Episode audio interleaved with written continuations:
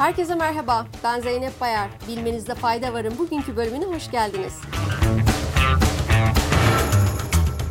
Ukrayna Savaşı'nın yarattığı enerji kriziyle haberimize başlıyoruz. Bloomberg tarafından yayımlanan bir analize göre Avrupalılar enerji krizi nedeniyle dünyanın en eski ısınma kaynağına geri dönüyor. Fransa'da odun fiyatları iki kat artarken Macaristan odun ihracatının yasaklanmasına ilişkin karar aldı. Romanya ise odun fiyatlarına 6 ay süresince sınırlama getirdi. Diğer siyaset haberiyle devam ediyoruz. İskoçya Bölgesel Hükümeti Başkanı Nicola Sturgeon, yüksek mahkemenin desteklemesi durumunda İskoçya'nın İngiltere'den bağımsızlığını kazanması için ikinci bir referandumun gelecek yıl Ekim ayında yapılabileceğini duyurdu. Sturgeon, İngiliz parlamentosundan izin almasını zorunlu kılan yasaya karşı mahkemeye başvurdu.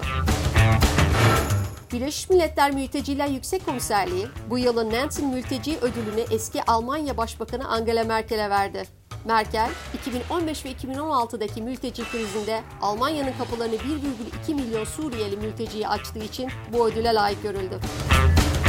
Dünyanın en zengin insanı Elon Musk, İngiliz Financial Times gazetesine verdiği bir röportajla Çin ve Tayvan arasındaki siyasi gerilime dahil oldu. Tesla ve SpaceX'in CEO'su Musk röportajda Tayvan'ın Çin'e bağlı bir özel idari bölge olmasını önerdi.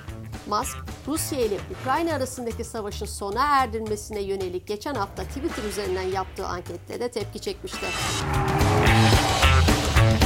İlginç bir haberle bir mezde fayda varı noktalıyoruz. ABD'de kendisini varlıklı bir Alman ailenin 67 milyon dolar değerindeki servetinin tek varisiymiş gibi tanıtarak dolandırıcılıktan hapis cezasına çarptırılan Rus asıllı Alman vatandaşı Anna Sorokin'in ABD Göçmenlik İdaresince ev hapsine alındığı duyuruldu.